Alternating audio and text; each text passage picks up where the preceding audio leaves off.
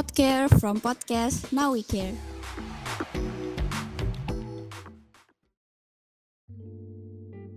Bahas tentang ageism atau yang biasa dikenal diskriminasi usia yuk. Halo Kompips, gimana nih kabarnya? Kabar baik dong ya Cel pastinya. Semoga aja ya Kompips yang lagi dengerin podcast kali ini dalam keadaan sehat semuanya. Nah, meskipun PPKM ini udah semakin longgar nih, tapi kita tetap harus taat protokol kesehatan ya. Bener banget tuh, kita tetap harus jaga kesehatan ya Kompips. Nah, sebelum kita lanjutin obrolan kita nih, kita kenalan dulu yuk. Nah, kenalin gue, gue Kania dan partner gue. Hai Kompips, kenalin gue Rachel dan hari ini kita berdua akan nemenin kalian nih. Hmm, kira-kira topik apa ya yang lagi jadi concern akhir-akhir ini? Nah, jadi kita mau bahas ageism atau yang biasa disebut diskriminasi usia nih kompips. Jadi, ageism itu dapat didefinisikan sebagai diskriminasi terhadap individu atau kelompok karena umur mereka dan gak cuma dialami anak muda aja sih, tapi juga dialami oleh lansia. Iya bener banget, tanpa kita sadari gak cuma anak muda aja yang mengalami ageism ini, tapi lansia juga sering loh ngalamin tapi gue penasaran deh, kenapa sih ageism itu juga dialami oleh lansia, Cel? Hmm, kalau menurut gue ya, ageism terjadi kepada lansia tuh karena penggambaran lansia di media yang cenderung sedikit. Lansia sering banget digambarkan menjadi sosok yang kolot, lemah, dan juga membosankan. Hmm, iya gue setuju banget sih. Banyak banget orang di luar sana yang menggambarkan kalau lansia itu tuh lemah. Padahal banyak banget lansia yang di luar sana itu yang masih mempunyai semangat hidup dan juga mempunyai aspirasi hidup yang tinggi. Tapi banyak juga nih orang yang berpikir bahwa lansia yang memiliki aspirasi hidup itu dianggap aneh dan juga pikiran orang-orang bahwa anak muda itu kurang ilmu sehingga sering diremehkan. Iya, betul banget. Jadi sebenarnya kalau tanpa kita sadari itu banyak banget yang mengalami ageism dan ketika kita mengalaminya juga kita nggak perlu dengerin orang yang meremehkan kita. Karena itu bakal jadi dampak negatif buat kita. Contohnya bisa menimbulkan stres, menurunkan produktivitas, dan juga menurunkan tingkat kepercayaan diri dalam beberapa hal.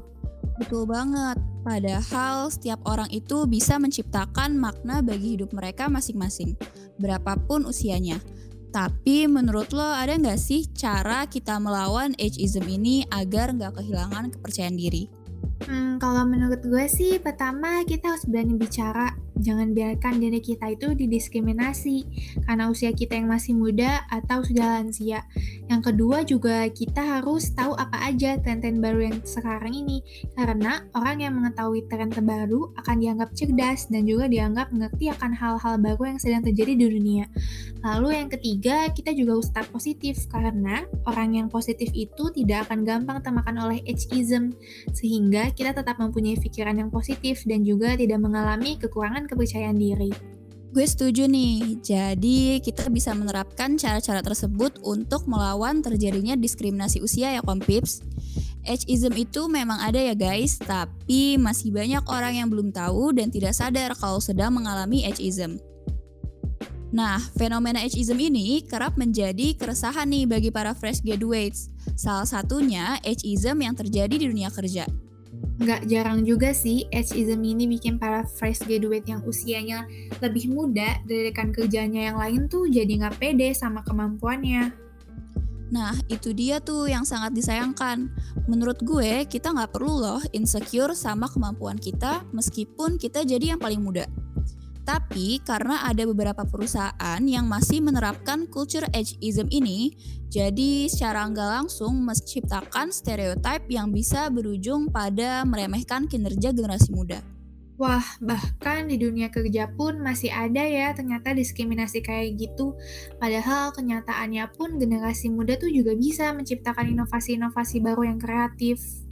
Betul banget, apalagi kita sebagai fresh graduates tentu masih dalam proses pembelajaran. Dan juga nih, menurut gue kita perlu loh punya role model di dunia kerja, baik dari senior kita maupun rekan kerja kita yang sudah berpengalaman. Nah, role model itu diharapkan bisa mengarahkan kita supaya bisa bekerja profesional seperti para senior yang berpengalaman. Nah, setuju banget. Sebenarnya lebih harus ditekankan sih tentang menghargai proses karena sering berjalannya waktu, generasi muda pun bisa sehebat para seniornya. Jadi nggak perlu deh ada diskriminasi usia kayak gitu. Tapi nih, beberapa kasus justru semakin muda usia kita malah diberi tugas yang paling mudah. Bahkan bisa saja sampai nggak dikasih penugasan sama sekali. Sebenarnya balik lagi ke culture perusahaan sih, masing-masing sih ya. Tapi jelas nggak adil sih kalau seakan-akan yang lebih muda itu dianggap tidak bisa diandalkan. Justru kita sebagai generasi muda harus bisa membuktikan kalau kita bisa ikut berkontribusi dengan baik kok. Nah, kenapa sih kita hari ini ngobrolin topik ageism, Cel? Sebenarnya kita mau kompis paham dan aware kalau setiap orang tuh punya proses berkembang dan keahliannya masing-masing.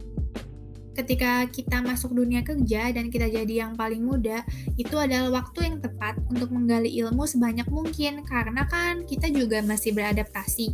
Tapi bukan berarti kita nggak bisa berkontribusi apa-apa ya.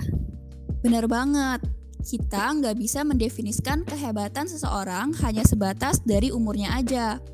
Oh iya, seperti yang sudah kita bahas dari tadi, selain fenomena ageism ini dirasakan oleh generasi muda, ageism ini juga bisa loh dirasakan oleh masyarakat yang berusia tua. Nah, berdasarkan dari yang gue baca dari The International Longevity Center, fenomena ageism atau yang dikenal dengan diskriminasi usia ini tuh terjadi karena budaya masyarakat di Amerika yang memuja youth atau kaum muda. Masyarakat yang berusia muda dinilai lebih menarik dan produktif, sedangkan mereka yang berusia tua dianggap sebagai orang yang lemah dan secara fisik harus bergantung pada orang lain. Sebagai tambahan nih, di negara maju seperti Amerika, diskriminasi usia pun dapat dirasakan pada berbagai ruang lingkup, seperti di tempat kerja, tempat kesehatan, media, bahkan pada interaksi masyarakat sehari-hari pun memiliki istilah khusus yang ditujukan untuk masyarakat berusia tua. Nah, seharusnya budaya asing seperti itu tuh tidak ada ditiru di negara kita. Tapi sayangnya kita terlanjur harus siap menghadapi diskriminasi yang sudah menjadi stereotip di lingkungan kita. Wah, setuju banget. Jadi, baik muda maupun tua, jangan biarkan usia menghalangi kompips untuk tetap produktif. Oh iya, gue dapet satu quotes yang pas banget nih. You are never too old to set another goal or to dream a new dream. Nah, dari quotes itu bisa kita ambil nih maknanya, yaitu kita tidak ada batasan waktu untuk tetap produktif dan mewujudkan mimpi kita. Asik, setuju banget tuh gue sama quotes itu. BTW nggak kerasa banget nih, kita udah ngobrol banyak banget sama Kompips. Sekalian gue pengen tutup podcast hari ini.